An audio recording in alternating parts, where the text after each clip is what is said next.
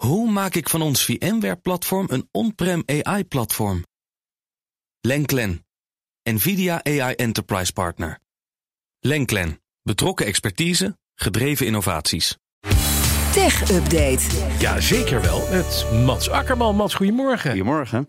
Ja, die bestorming van die overheidsgebouwen in Brazilië gisteren, dat hing al in de lucht, begrijp ik, op social media? Ja, want dat was nieuws natuurlijk. Nou, de meeste mensen werden daar denk ik wel een beetje door overvallen dat het opeens gebeurde. Maar online waren er wel al voortekenen dat er een actie op touw werd gezet, uh, zeggen Braziliaanse social media onderzoekers. Washington Post schrijft daarover. Uh, afgelopen weken vonden er namelijk op Braziliaanse sociale mediakanalen al oproepen plaats om bijvoorbeeld benzinestations aan te vallen of andere belangrijke infrastructuur. En er was één specifieke oproep, namelijk die tot een war cry party in de hoofdstad uh, Brasilia. Hmm. En daarvoor werd een hele specifieke term gebruikt in appgroepen. Want je hebt in het Braziliaans Warcry Party dat vertaald als Festa da Selva.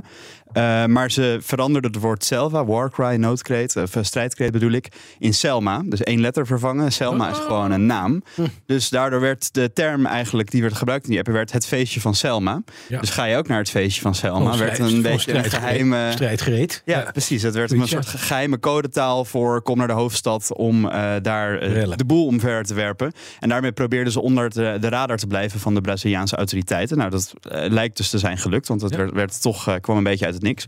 Ook op Telegram, uh, daar waren de organisatoren ook actief. Daar posten ze berichten over uh, datums, over tijden en routes. Waarmee je met zogenaamde vrijheidscaravaans naar uh, Brasilia kon komen. waar kennen we die term nog van?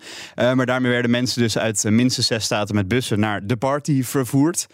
ze hoopten daarmee 2 miljoen mensen op de been te krijgen. Nou, dat werden er wel iets minder. Maar nou ja, je ziet dus dat ze op allerlei plekken al een beetje bezig waren om mensen op de been te krijgen. En het ging ook al langer natuurlijk gaande. Want ook in de verkiezingstijd al was er heel veel desinformatie toen het ging tussen Lula en Bolsonaro, werd er al in het Portuge Portugees opgeroepen: stap de stiel. Werd eigenlijk bij voorbaat al gezegd: als Lula wint, dan zijn de verkiezingen gestolen. Dus er, was, er hing al heel veel fake nieuws in de lucht uh, tijdens de verkiezing en daarna. En uh, ook deze grote bestorming van al die overheidsgebouwen, die, uh, ja, die, die hing in de lucht op de Braziliaanse social media kanalen. Ja, en daarvoor had je niet eens in Brazilië hoeft te kijken, alleen maar ook het social media. Bijvoorbeeld het kanaal van Steve Bannon, die inmiddels veroordeeld omdat hij niet voor de 6 januari commissie wilde verschijnen. Oud-adviseur en ultrarechts van, uh, van uh, Donald Trump. Ja, die riep er ook al op. Jongens, ga nou eens even lekker naar het congresgebouw. Ja, ja, begin januari is ja. blijkbaar een goede tijd daarvoor. Ja, zeker.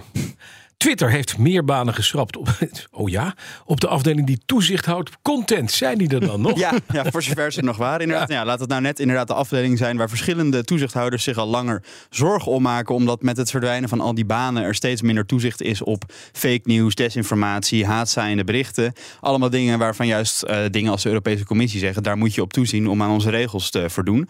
Uh, nou, nu melden bronnen aan Bloomberg dus weer nieuwe ontslagen. Het gaat dan om medewerkers die content modereren, die op Twitter worden gezet en specifiek ook banen op de afdeling voor toezicht op de haatzaaiende berichten.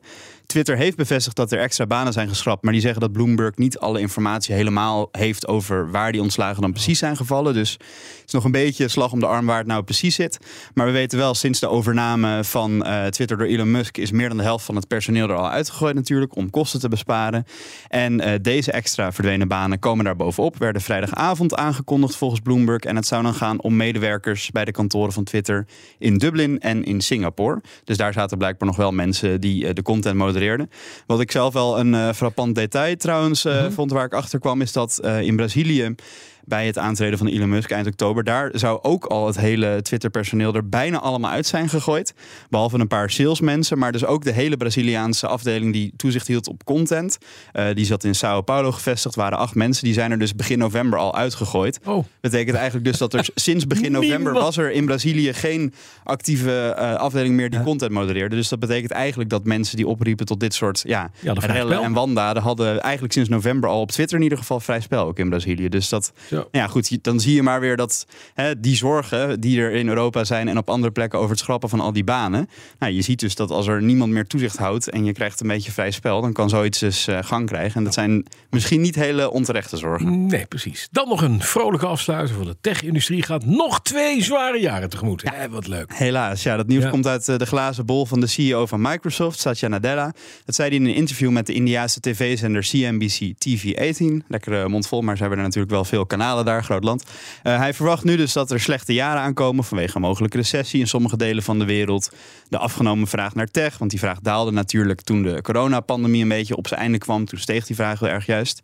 En uh, hij zegt dus voor de wereldwijde tech-industrie komen er nu twee moeilijke jaren aan. Maar daarna komen er betere tijden. En ja, mijn bijbelkennis die is niet zo heel goed. Maar je hebt dat verhaal met die magere jaren en die vette jaren. Nou, misschien, dat, uh, ja, misschien dat we nu de twee magere techjaren hebben. En dat hij dan daarna nou, minstens twee uh, goede jaren weer hoopt te ja. krijgen.